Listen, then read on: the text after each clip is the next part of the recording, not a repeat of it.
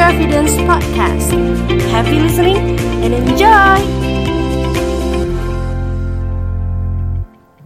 Halo teman-teman pendengar, Assalamualaikum Apa kabar? Semoga sehat selalu ya Jumpa kembali bersama Valentina dan Pak Suryo di laman podcast Future Evidence Indonesia Halo Pak Suryo, apa kabar?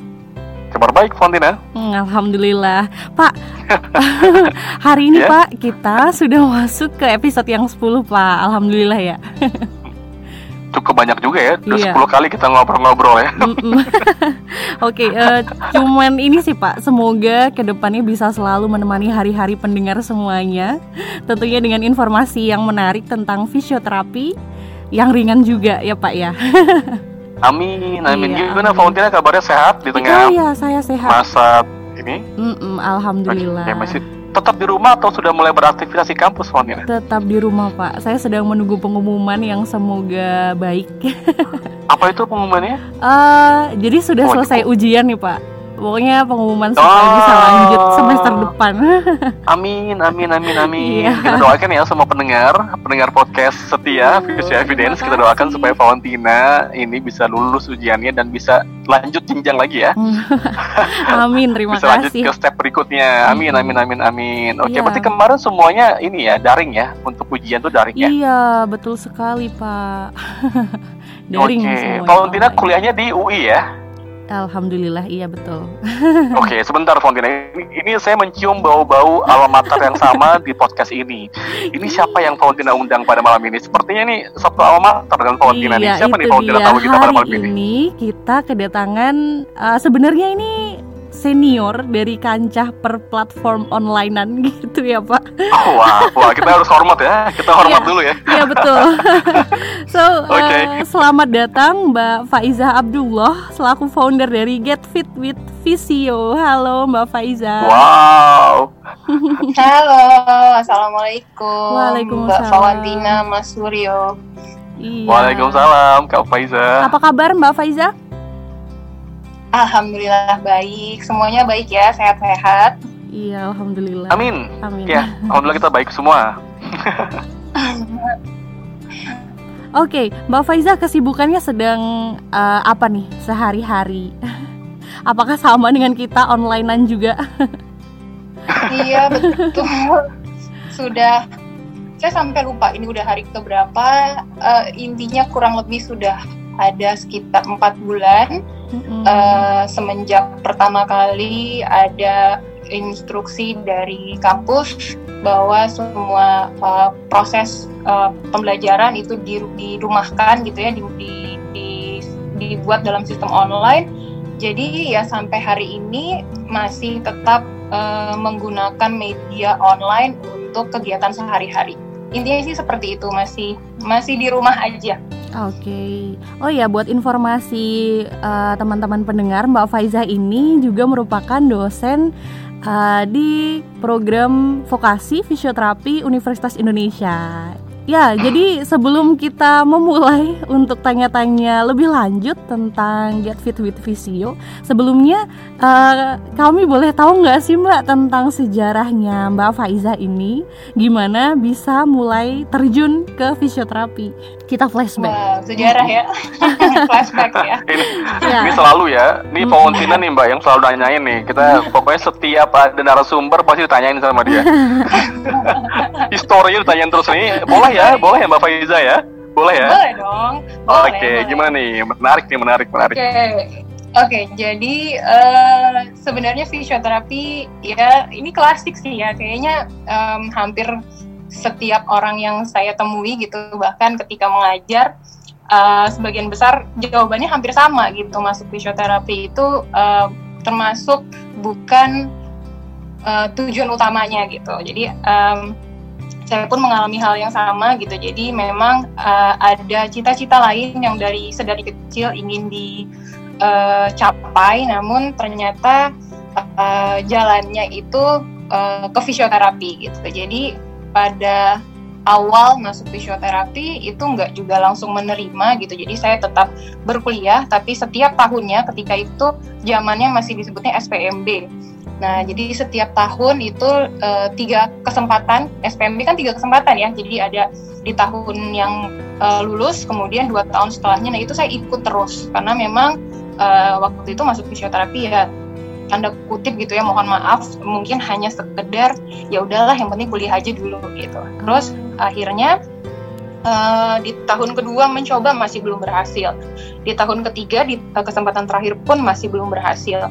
Nah sebenarnya uh, saya nggak tahu gimana ceritanya gitu tapi uh, saat itu akhirnya kayak dapat uh, pencerahan gitu kan. Kenapa ya kok nggak diterima gitu? Kenapa kok nggak masuk di di jurusan yang saya cita-citakan sedari kecil gitu. Sedangkan saya juga kalau mau dibilang usaha adalah usahanya mungkin mungkin bukan usaha yang terbaik tapi setidaknya tetap berusaha. Mm-hmm. Sampai kalau, akhirnya uh, mendapatkan seperti uh, pencerahan uh, kalau memang uh, ini sudah ditunjukkan gitu ya mungkin ini yang ditunjukkan oleh Allah gitu untuk saya jalani gitu uh, insya Allah uh, ya mungkin ini jalan yang terbaik yang untuk untuk saya ke depannya gitu. Jadi saya nggak ingin memaksakan bahwa sampai tiga kali saya mencoba dan belum berhasil berarti memang mungkin ini bukan jalan yang Allah kehendaki buat saya saat itu. Sehingga akhirnya motivasi saya berubah. Dan memang uh, entah mengapa gitu selama perkuliahan memang saya cukup bisa dibilang saya cukup menikmati dan saya cukup eh, nilai-nilai. Uh, kalau dari sisi, sisi akademisnya juga cukup baik terutama juga dari sisi uh, sosialisasi gitu ya saya juga terlibat banyak dalam organisasi gitu. Jadi menurut saya ya sudah mungkin memang ini adalah uh, jalan yang Allah tunjukkan buat saya sehingga uh, semenjak saat itu saya merasa bahwa uh, saya ingin memberikan juga yang mudah-mudahan insya Allah terbaik untuk profesi yang insya Allah akan menjadi profesi yang saya emban gitu sampai sampai nanti. Mudah-mudahan sih seperti itu jadi kurang lebih sih sejarahnya seperti itu dan uh, ya sampai saat ini alhamdulillah masih masih berdiri di profesi ini. Uh, mudah-mudahan ke depannya juga masih bisa memberikan karya-karya yang bisa uh, ikut mengharumkan nama profesi fisioterapi. Oke. Okay. Amin. Amin. Keren banget amin, ya Pak amin, amin. ya. Wah, menarik sih uh, berarti sama ya artinya iya. beberapa orang ya mulai dari kemarin yang pertama ada Pak Warmono, iya. ada Pak Samir Losmana, ada Pak Ahmad hmm. Syakib hampir semuanya mereka menemukan cintanya kepada sosok fisioterapis ini di pandangan yang kesekian bukan kedua lagi tapi yang kesekian, kesekian. bahkan yang menariknya kemarin ya uh, Fauntina ya kalau kita masih ingat ya. Pak Ahmad Syakif ketua PFAI awalnya adalah yang menggemari teknik. Beliau ingin masuk teknik awalnya. Nah, kita pengen juga kepo nih ya. Kita juga pengen pengen kulik sebenarnya. Jadi kalau di Mbak Faiza awalnya dulu ingin masuk apa, Mbak? Nuklir atau pramugari atau apa?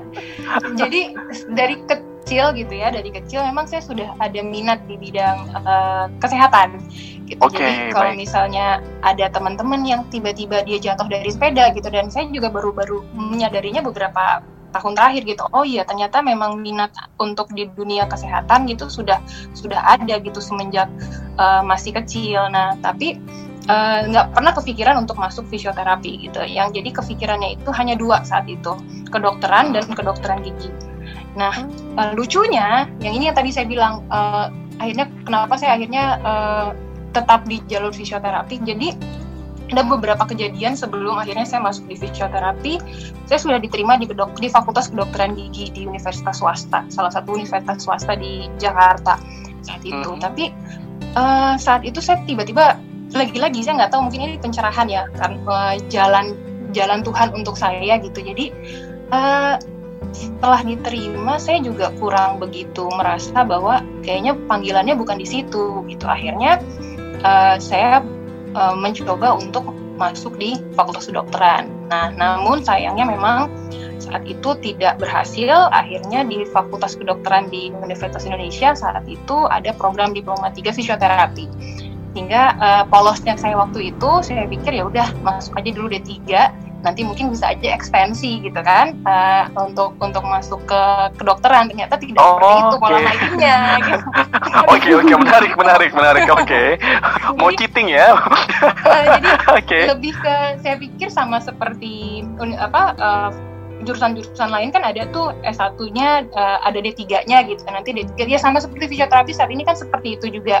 Dari D3 terus nanti masuknya uh, S1 nah memang sama sekali saya nggak tahu sama sekali fisioterapi itu apa. Jadi saya pikir karena labelnya adalah fakultas kedokteran saya pikir ya mungkin saja ada kemungkinan itu gitu bahwa nantinya dari D3 ini D3 kedokteran akan masuk ke S1 kedokteran. Ternyata nggak seperti itu gitu. Ternyata memang sudah dibuat suatu penjurusan gitu di saat itu uh, ada fisioterapi, ada rumah sakitan dan juga ada okupasi terapi. Nah, yang saya pilih waktu itu adalah fisioterapi. Simple, kenapa? Ya cuma karena fisioterapi itu ada di urutan pertama di antara tiga jurusan yang ada gitu. Jadi ya, ya wow. ya udah gitu. jadi ya memang mungkin ya balik lagi sudah dijalankan. Jadi uh, masuk di fisioterapi.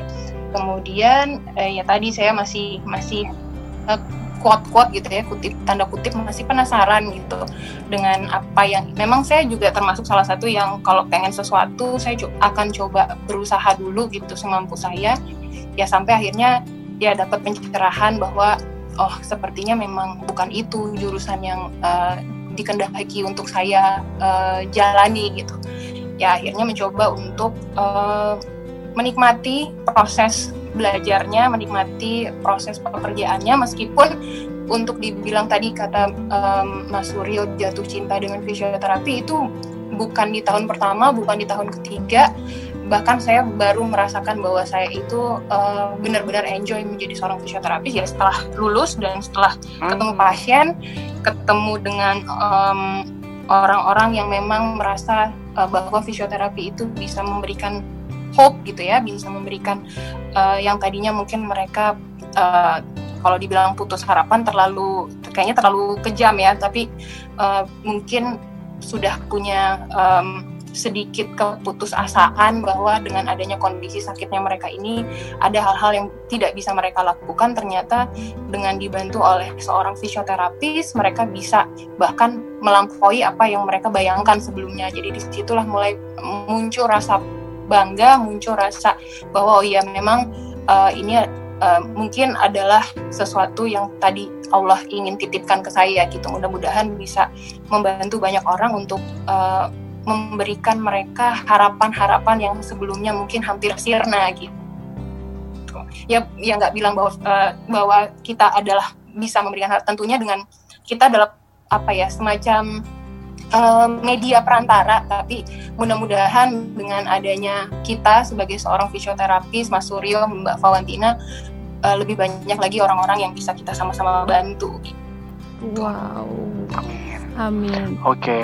Pak, ini bukan pandangan kedua, pandangan ketiga ya, bahkan sampai lulus pun, yes, iya, wow, betul. berarti masih masih PDKT, Val. Jadi kalau yeah. ibaratkan itu sosok seseorang, jadi Kak atau Mbak Faiza ini masih PDKT terus dengan sosok fisioterapi sampai bahkan beliau telah lulus. Jadi memang teman-teman sekalian kalau saya bisa kutip ya sepertinya memang Allah memberikan apa yang terbaik untuk kita bukan yang apa yang kita inginkan. Mm-hmm. Saya juga merasakan hal yang sama mm-hmm. sih, Mbak Faiza. Apa yang kita inginkan kadang ternyata nggak dikasih, mm-hmm. tapi digantinya dengan yang jauh yang tidak Amin. pernah kita ekspektasikan sebelumnya itu mungkin terjadi juga di uh, Mbak Faiza seperti ini. Jadi cukup menarik sih ini. Um, jadi teman-teman semua, terutama pendengar yang masih mahasiswa yang masih bahkan jatuh cinta pun belum dengan fisioterapis, jangan khawatir.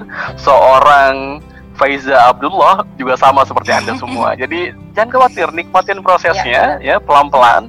Insya Allah nanti akan mulai enjoy dengan uh, profesi Betul. ini teman-teman semuanya. Oke, okay. uh, Val, uh, ini nih, ini kebetulan sama almaternya dengan Valentina uh, yang sudah tahu sudah kita ketahui bersama bahwa Mbak Faiza ini mengambil magister di UI juga ya Mbak Faiza ya? Mm. Di UI untuk uh, biomedis ya? Betul. Oke, okay, nah ini ini sama seperti Valentina nih. Boleh nih, dua-duanya boleh jawab nih sekarang. Jadi saya pengen tanya untuk kalian berdua. Wow. saya pengen jawab untuk mungkin Valentina juga bisa ngomong atau juga ini ya atau Mbak Faiza terutama. Jadi uh, Mbak, kenapa kenapa biomedis menjadi pilihan untuk mm-hmm. diambil S2-nya? Oke, okay, karena kan banyak orang yang mengambil ya udah aku ngambil olahraga aja atau aku ngambil mm-hmm. yang lebih dekat mungkin fisiologi atau aku ngambil MKes aja kedokteran keluarga. Kenapa kok memilihnya biomedis? Apa urgensinya waktu itu? Ini pasti ada alasannya. Boleh kami di-share kenapa mengambil itu? Ini siapa dulu nih yang mau jawab? Mbak Fawantina? Senior dulu aja. Kapan lagi kita dengar Fawantina jawab ya? Biasanya cuma nanya terus nih Fawantina nih. Iya benar. Oh, mungkin senior dulu aja kali ya, Mbak. Nih, ini, edisi spesial Fau. Ini Fawantina jawab deh coba. Ini kapan lagi nih Fawantina jawab? Wow. Wow, saya jadi gimana ya jawabnya? Sebenarnya kalau saya nih Pak Suryo dan Mbak Faiza itu uh, kalau olahraga memang bukan bukan apa ya, bukan passion ya gitu. Tapi saya pengen tahu gitu, curious, sangat curious tentang um, fisiologi gitu Pak itulah kenapa uh, di biomedik ini saya ambil peminatan fisiologi seperti itu. Okay. Jadi saya pengen tahu gitu loh uh, di dalam tubuhnya manusia itu apa aja sih sebenarnya yang terjadi gitu. Nah untuk Mbak Faiza gimana ya? Ini sekarang yang iya. senior, senior gimana nih? Yang senior. Aduh, gimana, mudah, gimana Kak Faiza?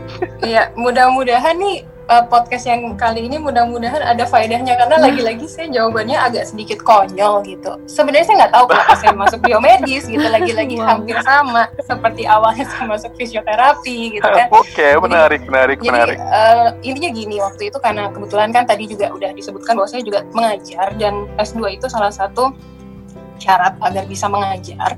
Uh, kebetulan saya domisilinya di area Jakarta Uh, jadi ya simpelnya saya berdiskusi dengan keluarga gitu kan dengan orang tua terutama uh, di mana nih kira kira-kira kalau saya akan melanjutkan studi baiknya di mana gitu. Karena waktu itu memang banyak sekali hmm, rekan-rekan sejawat yang mengambilnya di uh, fakultas kedokteran khususnya di uh, master fisiologi olahraga. Setahu saya seperti itu.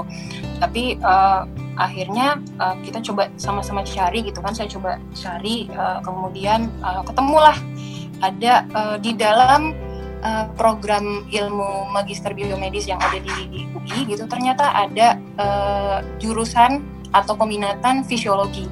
Oke, okay, berarti ini sudah sedikit menjadikan clue gitu kan bahwa oh ya udah ini ada di fisiologi. Uh, lagi-lagi sederhananya polosnya saya pikir ya udah uh, Bismillah gitu kan ya sudah ambil aja yang ini kebetulan uh, dekat dengan daerah eh, nggak uh, dekat-dekat banget tapi maksudnya masih satu wilayah dengan tempat tinggal. Kemudian saya juga masih ingin tetap bisa mengajar meskipun mungkin waktunya lebih um, minimal gitu dibandingkan sebelumnya. Tapi setidaknya saya masih bisa melakukan aktivitas-aktivitas yang uh, sebelumnya gitu kan. Masih bisa tetap mengajar masih bisa tetap uh, studi. Bahkan saat itu saya sempat uh, juga berpraktek klinik gitu Nah, jadi simpelnya seperti itu. Ternyata jeng jeng jeng jeng gitu kan. Masuk di biomedis. ternyata dua semester awal itu adalah pelajarannya pure uh, sel, betul, dan, uh, biologi molekuler dan iya. lain sebagainya yang sama sekali saya nggak tahu itu apa. Gitu kan. wow. oke, okay, ya sudah. Oke. Okay. Gitu kan. Jadi uh, uh, saya merasa mbak, oke okay, saya tidak sendirian. Iya kan?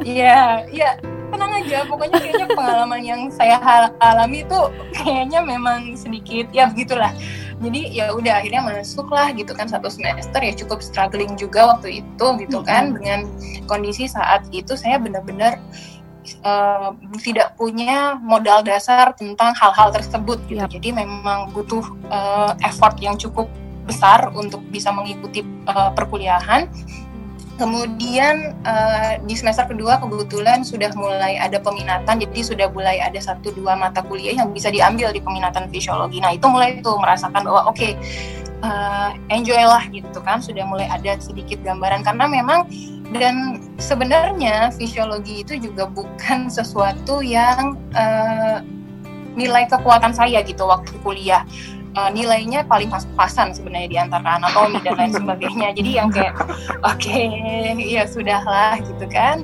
Dan ternyata ya itulah tadi kadang kita yang tadi disebutkan uh, Mas Wiro juga kadang kita bisa berencana gitu kan maunya ini. Saya saya dulunya malah nggak pengen gitu kalau kalau bisa duh belajar fisiologi itu belajar apa sih? gitu. Kok ada anatominya, ada uh, kimianya dan lain sebagainya bercampur aduk gitu kan cukup berat.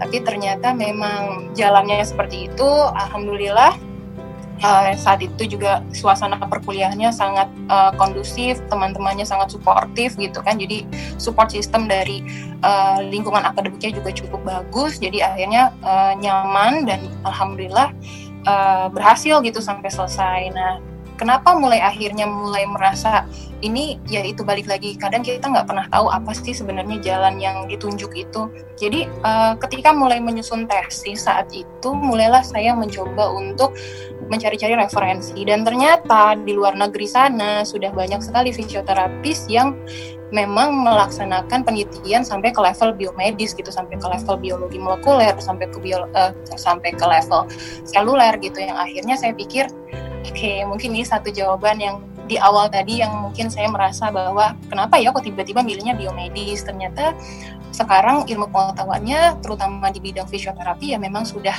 uh, sedikit tanda kutip dituntut untuk masuk ke ranah biomedis. Jadi ya alhamdulillah saya merasa digiring ke jalan yang memang awalnya mungkin cukup penuh tanda tanya, cukup bingung, tapi ya akhirnya menemukan jawaban-jawaban bahwa mudah-mudahan ini juga salah satu jalan saya untuk bisa berkarya di fisioterapi. Seperti itu deh gitu. Tapi awalnya awalnya selalu dengan sesuatu. Jadi kalau teman-teman gitu kan yang dulu satu angkatan masuk biomedis kenapa? Oh iya udah melakukan riset gitu kan bahwa pengennya seperti ini.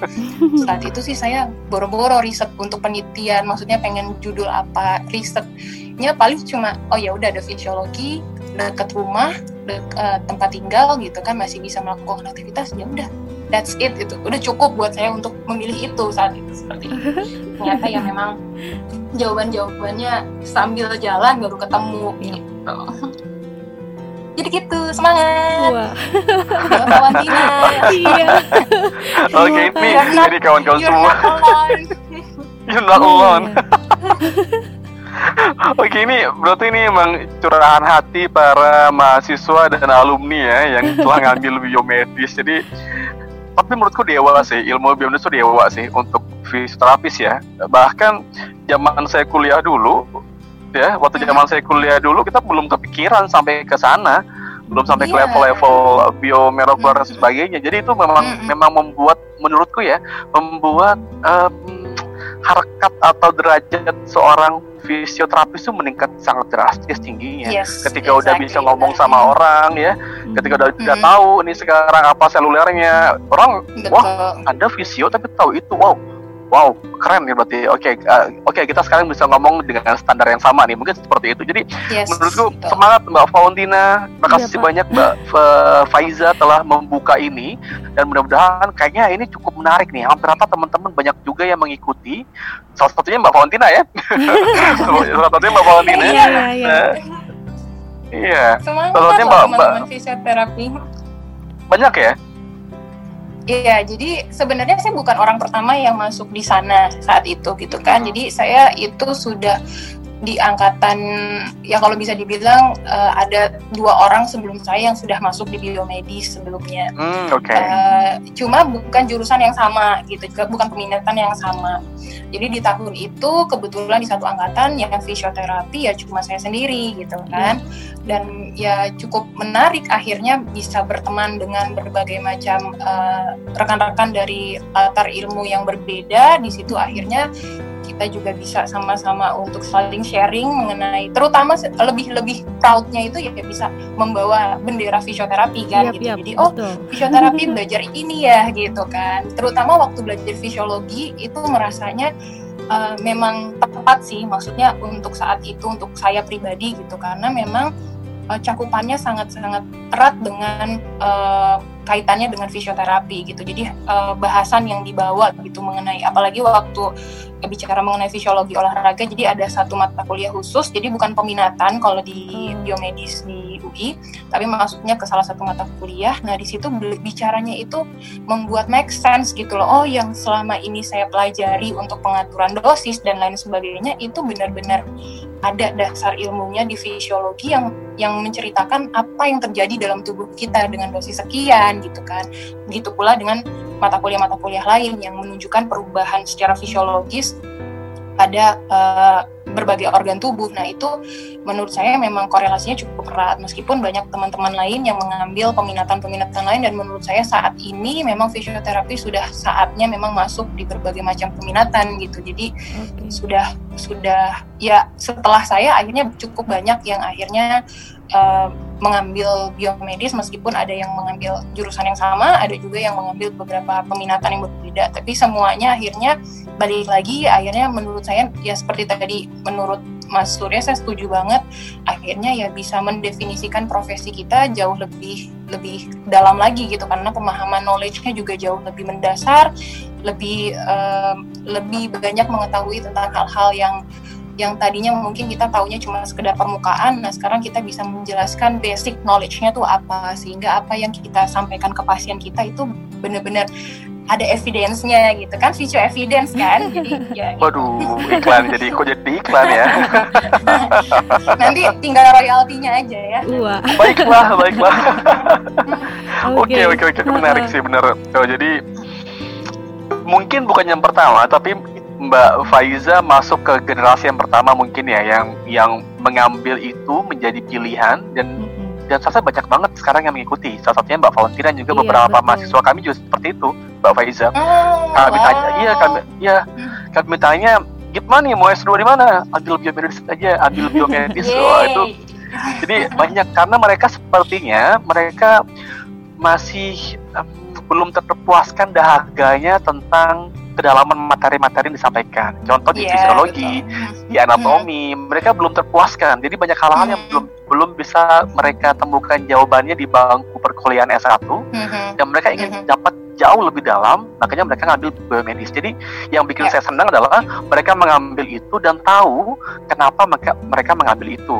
Itu yeah. menurut saya itu, itu capaian cukup sih. betul. Ya, itu menurut saya wow berarti berarti benar nih berarti artinya kita masuknya dengan cara yang benar seperti itu oke okay. terima kasih banyak Mbak Faiza dan juga Mbak Valentina selamat berjuang untuk biomedisnya semoga lancar semuanya amin amin amin amin Mbak Valentina masih berjuang ya iya Pak saya okay. wah malam ini merasa sangat full of insight gitu Pak. Wah banyak pandangan sekali dari senior. Terima kasih Bapak Iza. Oke okay, menarik menarik menarik. Oke okay, yeah. jadi uh, oke okay, kita udah cukup kali ya mengulik mm -hmm. uh, personal karirnya beliau dari mulai awal dulu lulus SMA pengen masuk apa lalu masuk ke fisioterapis yang dikiranya merupakan jalur khusus untuk menuju S1 kedokteran ternyata salah itu konyol sih sebenarnya fail eh uh, aduh jangan bilang konyol karena saya juga melakukan hal yang sama waktu itu oh, gitu karena ya? dulunya ya di UMS fisioterapis itu belum masuk dalam fakultas kesehatan, masih di fakultas ah, kedokteran waktu oh, itu sama. Okay. Ya, aduh, saya juga memikir hal makanya waktu um, Mbak Faiza bilang, ya ampun, ternyata tidak cuma saya, ternyata ada orang lain juga yang memberikan salam. saya juga melakukan hal yang sama. Harapannya habis ini masuk ke S1 kedokteran ternyata. Yes. Beda profesi kawan, beda profesi. Iya. Oke gitu ya Pau ya. Jadi iya, iya. kita lanjut lagi nih Pau karena beliau sebenarnya kan yang paling yang paling ingin kita kulik sebenarnya adalah kegiatan beliau. Beliau ini merupakan founders dari hmm. Get Fit with Visio. Iya, itu merupakan platform pionir menurut -hmm. saya ya pribadi. Itu adalah platform edukasi digital yang pertama ya, yeah. yang paling menonjol ya, yang menampilkan info-info um, terkait dengan fisioterapis khususnya dengan um, tampilan yang menurut saya cukup menarik dan cukup um, nyambung dengan anak-anak muda. Jadi uh, dari mulai visualnya, bagaimana audionya, media, jadi menurutku itu uh, saya juga dulu termasuk pengagum dari Fit Video. Jadi yeah, yeah, kami cukup beruntung hari ini bisa ber, uh, berdiskusi sharing dengan foundersnya. Hmm. Nah, Mbak Faiza boleh tidak kami uh, kayak apa ya disclaimer ya bahwa sebenarnya memang visual evidence ini itu uh, sejujurnya ya to be honest ini benar-benar uh, mengikuti atau memang uh, menapak tilasi. Apa yang dilakukan oleh Get Fit with Visio sebenarnya? Jujur ya jujur. Ini kita memang menapak tilasi mencontoh bahkan bagaimana impact dari media sosial ketika diberikan sentuhan edukasi itu impactnya besar sekali. Maka kami ingin coba belajar juga sama seperti Get Fit with Visio ini. Ini to be honest, jadi ini bukan bukan peres kata orang-orang sekarang ini benar sejujurnya. Kayak gitu. Oke, begitu ya Mbak Faiza. Jadi kita pengen tahu nih uh, Mbak Faiza dulunya ya di zaman dulu kan artinya bukan zaman dulu banget ya artinya beberapa tahun yang lalu kan uh, belum banyak platform serupa ya kalau kita hmm. bicara sekarang mungkin banyak karena memang satu kondisinya adalah uh, pandemik yang mengharuskan semua orang di rumah dan menatap layar uh, mobile phone-nya. Jadi mungkin banyak yang berkreasi. Tapi di zaman mungkin 4 3 tahun lalu seperti nggak seperti itu. Nah, apa yang membuat atau apa yang menginspirasi Mbak Faiza mendirikan platform Get Fit with Visio? Oke, okay. sebelumnya saya uh, ini ya uh, apresiasi sekali undangan dari Visual Evidence. Justru saya sekarang banyak belajar dari Visual Evidence gitu karena uh, banyak sekali materi-materi yang menurut saya sangat-sangat uh, berkualitas yang diberikan dari Visual Evidence. Nah, um, balik lagi ke Get Fit with Visio, kalau dibilang alasan awalnya apa ya justru karena saat itu belum ada sama sekali. Jadi uh, itu kalau tahun ini insya Allah sudah masuk ke tahun ke mudah-mudahan Agustus ini masuk ke tahun kelima. Uh, hmm. jadi uh, sudah cukup lama sebenarnya uh, uh, Get Fit with Visio gitu ya. Nah uh, awal muasalnya kenapa bisa ada Get Fit with Visio? Itu sekitar sekitar tahun 2015 itu um, saat itu saya sedang kuliah sedang studi di uh, biomedis waktu itu. Kemudian uh, saya ada suatu momen di mana uh, saya merasa bahwa saya perlu menyampaikan mengenai uh, edukasi tentang hal-hal yang menurut saya selama ini sepele gitu kan. Tapi ternyata banyak sekali yang belum paham belum tahu tentang itu. Contoh waktu itu adalah ketika saya sedang ada praktikum di laboratorium terus uh, beberapa teman saya merasakan pegal-pegal di area leher kemudian akhirnya saya saya mencoba untuk memandu mereka untuk melakukan stretching. Nah kemudian saya pikir oh saya pikir ini semua orang sudah tahu tentang stretching. Ternyata banyak yang belum tahu gitu kenapa saya punya ilmu itu kenapa nggak saya bagikan gitu. Mungkin di luar sana banyak juga yang membutuhkan informasi serupa tapi tidak tahu harus ke mana. Itu yang pertama. Kedua kalaupun mereka tahu harus mencari di mana banyaknya saat itu adalah referensi-referensi yang masih berbahasa asing gitu. Belum ada informasi in, uh, yang otentik mengenai materi-materi uh, uh, terkait yang berbahasa Indonesia. Kalaupun ada biasanya ilustrasinya tidak otentik jadi bukan ilustrasi yang memang uh, dibuat sendiri gitu kan. Jadi akhirnya saya pikir kenapa saya nggak coba untuk uh, memadukan itu semua? gitu. Uh, saya coba karena saya juga sedikit banyak suka sama ilustrasi gitu akhirnya saya coba untuk mencari uh, grafis designer gitu ya ilustrator kemudian semuanya lagi-lagi saya mencarinya via uh, Instagram media sosial dan ketemu dengan Mbak Aga, beliau ada di Semarang saat ini. Jadi pertama kali kita berkor kami berkorespondensi itu benar-benar cuma melalui media sosial, WhatsApp dan email. Akhirnya ternyata gambarnya sangat-sangat representatif dengan apa yang saya bayangkan akhirnya kita coba untuk uh, launching gitu. Sangat sederhana. Intinya sebenarnya saya juga nggak pernah terbayangkan bahwa suatu saat mungkin uh, akan bisa disebut sebagai uh, salah satu yang membuka ide-ide uh, lahirnya berbagai macam media edukasi. Tapi tentunya saat itu pikiran saya sangat sederhana. Ada uh, hanya ingin memberikan edukasi saja ke masyarakat. Terlebih lagi uh, saya ingin memberikan suatu edukasi mengenai profesi fisioterapi gitu saya ingin melalui edukasi saya yang saya ada pesan sponsornya kalau bisa dibilang seperti itu adalah mengangkat nama fisioterapi. Sehingga uh, muncullah Get Fit with Physio uh, di tahun 2015 bulan Agustus dan alhamdulillah dalam waktu beberapa bulan setelahnya respon dari rekan-rekan sejawat ini sangat baik. Uh, mulai meningkat followersnya sampai hari ini alhamdulillah secara organik terus meningkat meskipun kadang fluktuatif ada yang uh, unfollow dan lain sebagainya. Tapi alhamdulillah uh, kami masih bisa bertahan meskipun mungkin ada informasi-informasi yang tidak begitu sering lagi kami uh, sampaikan. Tapi alhamdulillah uh, masih terus bisa uh, apa ya bisa membagikan edukasi-edukasi yang sekiranya bisa dimanfaatkan oleh masyarakat dan ternyata uh, tidak hanya masyarakat saja, tidak hanya orang awam saja yang cukup membuat saya uh, happy gitu ya uh, adalah ketika materi-materi konten-konten yang ada di Get Fit with Visio ini bisa dimanfaatkan juga untuk memberikan um, semacam home program gitu buat pasien-pasien dari teman-teman sejawat. Nah itu membuat saya semakin merasa bahwa alhamdulillah uh, setidaknya uh, manfaatnya bisa dirasakan oleh banyak orang uh, di luar sana gitu. Jadi ya seperti itu sih intinya seperti itu. Makanya uh, cukup cukup senang sekali sampai hari ini masih bisa uh, bisa memberikan informasi-informasi yang mudah-mudahan sih tetap bisa memberikan eh, materi-materi uh, yang segar, yang relevan, yang up to date gitu. Wah, keren sekali okay. sih.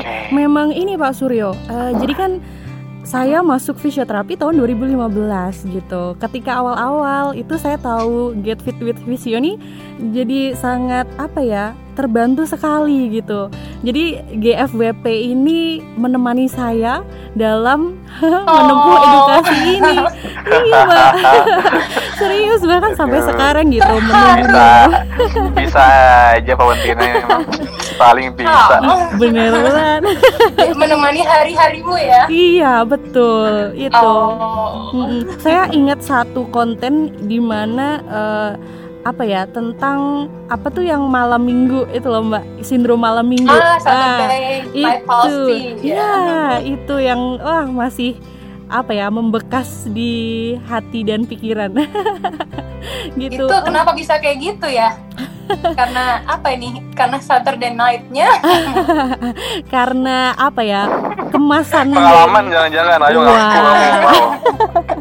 enggak pak tentang yeah, ini loh. yeah. kontennya informatif yeah. kemasannya juga menarik gitu loh pak. Jadi kami mahasiswa saat itu tuh uh, sangat relate gitu. Oh waduh. Oke. Okay. benar benar benar. Kok kok saya sepakat sih Pak um, Fontina asal tahu ya ini mm-hmm. berapa jumlah followersnya sekarang nih ya. Jadi jumlah follower dari Get Fit uh, with Visio itu ada 6.988. Mm-hmm. Bayangin. Wow. Hampir 7.000 yeah. dan cukup sombong menurut saya Get Fit Visio ini dia punya followingnya cuma 32 iya wah jadi ini ini uh, apa ciri-ciri Instagramnya selebgram ya jadi yeah, yeah, yeah. kayak gini nih jadi followersnya dikit tapi uh, followersnya banyak followingnya dikit jadi oh, hampir 7000 Fauntina dan Fauntina bayangkan postingannya itu bisa di like orang ya ini yang paling banyak saya lihat itu sebanyak 805 likes bayangan. memang senior sih. Jadi memang kontennya memang ya satu tadi benar kata kata Mbak Faiza autentik. Mm-hmm. Jadi dia tidak ngambil di uh, googling ah, ya. Iya. Jadi memang dia memang ternyata menyewa jasa untuk uh, ini Mbak ya desain ya untuk itu. Nah mm-hmm. itu itu kan menurutku di zaman 2015 ya itu wow sekali karena yeah. karena Mbak Faundi, uh, Mbak Faiza ini menurutku poinnya dua tadi yang pertama adalah bagaimana dia tidak memaksakan hal yang bukan bidangnya paham nggak uh, Fauntina yeah, yeah, paham ya maksudnya jadi beliau paham, beliau bisa konten, tapi beliau mungkin tidak jago untuk ilustrasi gitu ya Mbak Faiza ya. Dan dia yeah. tidak dan tidak dan dia tidak memaksakan itu, tapi mencari yang expertnya. Nah itu penting kawan-kawan semuanya. Itu penting. Jadi buat teman-teman pendengar, kalau ingin melakukan sesuatu, ya ingin bikin apa, ya jangan dipaksain semuanya kalau mau bikin konten misalnya YouTube nih sekarang nih lagi lagi lagi gandrung nih ya vloggers dan sebagainya atau YouTubers. Kalau emang kamu nggak bisa uh, tampil di muka umum malu untuk di depan kamera jangan. Di belakang aja ya editing. Kalau kamu nggak bisa iya. editing nggak nggak usah maksa editing kamu yang lain aja. Jadi uh, Mbak Faiza mengajarkan saya terutama bahwa kita memang harus bekerja sama.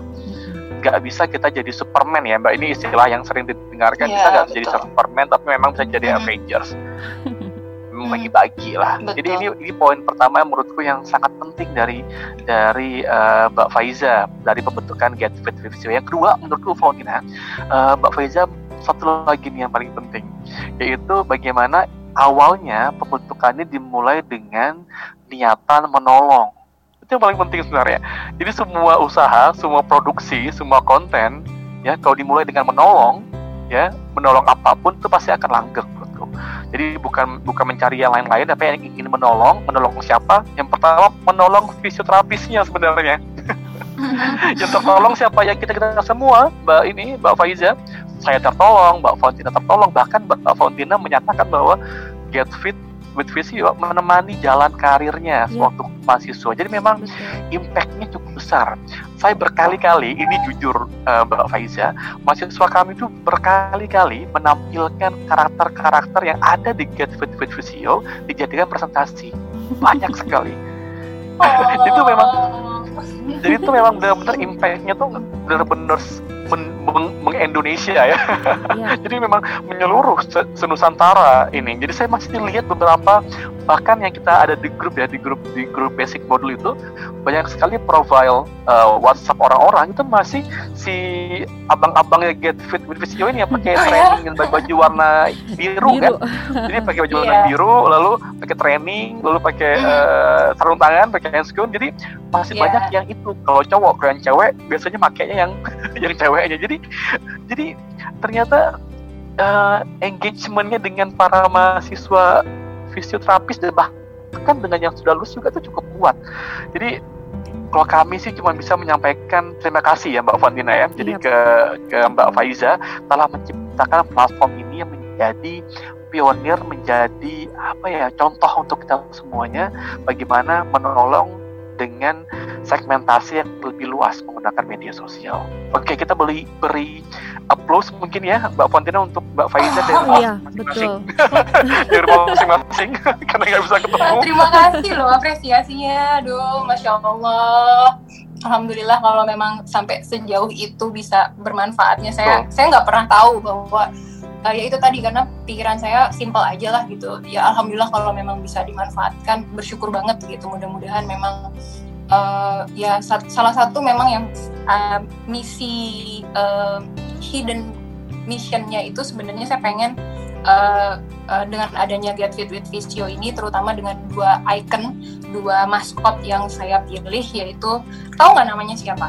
Dimas nah, saya baru saya baru mau nanya namanya siapa nih nama saya baru mau nanya namanya siapa siapa namanya okay. ada namanya juga ya ada dong ada dong kalau okay. kalau nanti gitu ya ngelihat paling bawah uh, apa postingan kita yang paling awal gitu itu. Uh, yang cewek dulu ya namanya Vivi yang cowok Vivi. namanya Raf, Raffi nah dan Raffi. Jadi itu sebenarnya saya pengen satu, saya tadinya pengen satu uh, maskot lagi gitu, cuma kayaknya too much gitu kan, jadi cukup dua.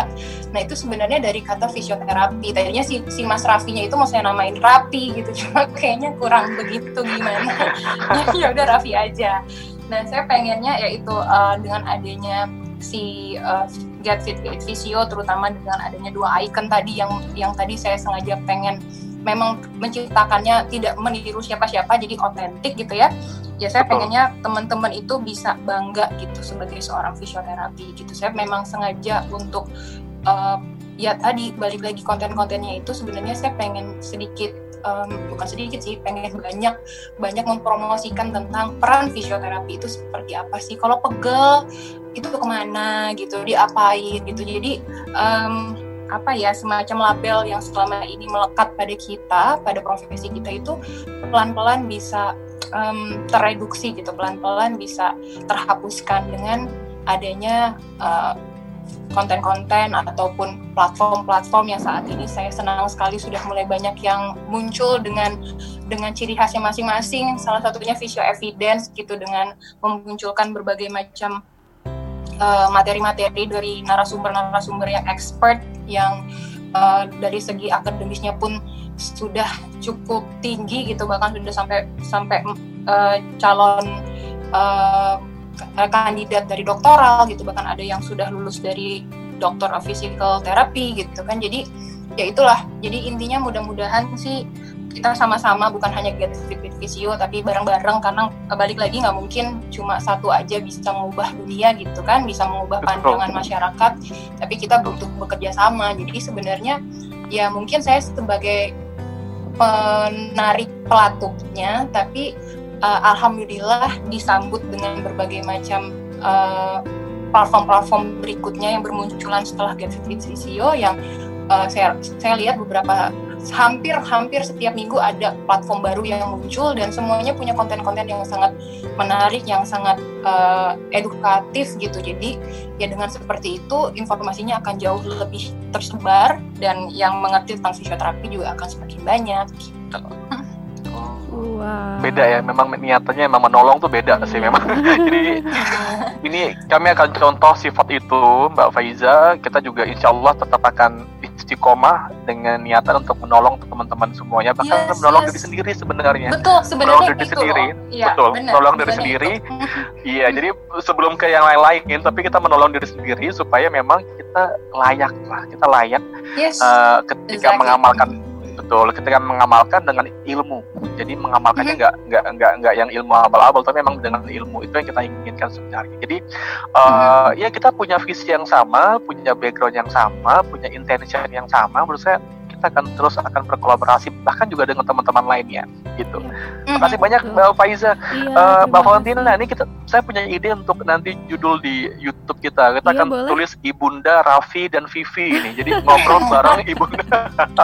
Oke okay, baik. kita akan bikin Jadi saya sisternya loh, bukan bundanya, saya sisternya. Oh gitu. oh gitu. Kan ibu yang melahirkan oh, ya. Iya, iya juga benar. Oke. Okay. Jadi ini adalah ibunda nih, ibunda dari Raffi dan juga Vivi yaitu Ibu okay. Faiza Abdullah. Jadi ini wah menarik sih. Jadi gini sebenarnya uh, bocorannya Mbak Faiza. Jadi kita sebenarnya pengen banget undang beberapa platform edukasi mm -hmm. media sosial yang memang nanti kita akan undang sebenarnya, tapi memang mm -hmm. kita akan mulai dari yang pertama yaitu mm-hmm. Get Fit Visio. Nanti selanjutnya kita akan coba ngobrol sama yang lain-lain juga, tapi kayaknya kurang kurang sopan kalau kita nggak mulai dari beliau ini, Fontina ya. Iya, Kayak gitu. Oke, okay, Fontina silakan. Gimana ya. Fontina? Ada ini lagi, ada pertanyaan. Fontina nih eh, curi-curi nih buat cari ilmu dari senior nih sebenarnya. Iya betul. Jadi Pak, uh, sebenarnya saya masih banyak pertanyaan yang pengen saya tanyakan cuman karena terbatas oleh durasi dan waktu jadi okay. mau tidak mau kita harus mengakhiri sampai sini dan mungkin uh, untuk teman-teman yang pengen tahu lebih lanjut tentang Mbak Faiza Abdullah atau Get Fit with Visio boleh langsung menghubungi ke Instagramnya aja ya Mbak ya Oke, okay, jadi itu okay, dia. Oke, boleh. Terima kasih. ya, itu dia cerita dari Mbak Faiza Abdullah yang sangat menarik, informatif dan sangat memotivasi. Uh, terima kasih sudah hadir, Mbak Faiza. Semoga ke depannya kita ya, bisa selalu banyak. bisa Mbak berkolaborasi. Hmm, Ya, dan banyak-banyak ya. terima kasih kepada sahabat-sahabat yang sudah mendengarkan. See you on the next laman. Bye. Wassalamualaikum. Waalaikumsalam. Thank you for having me.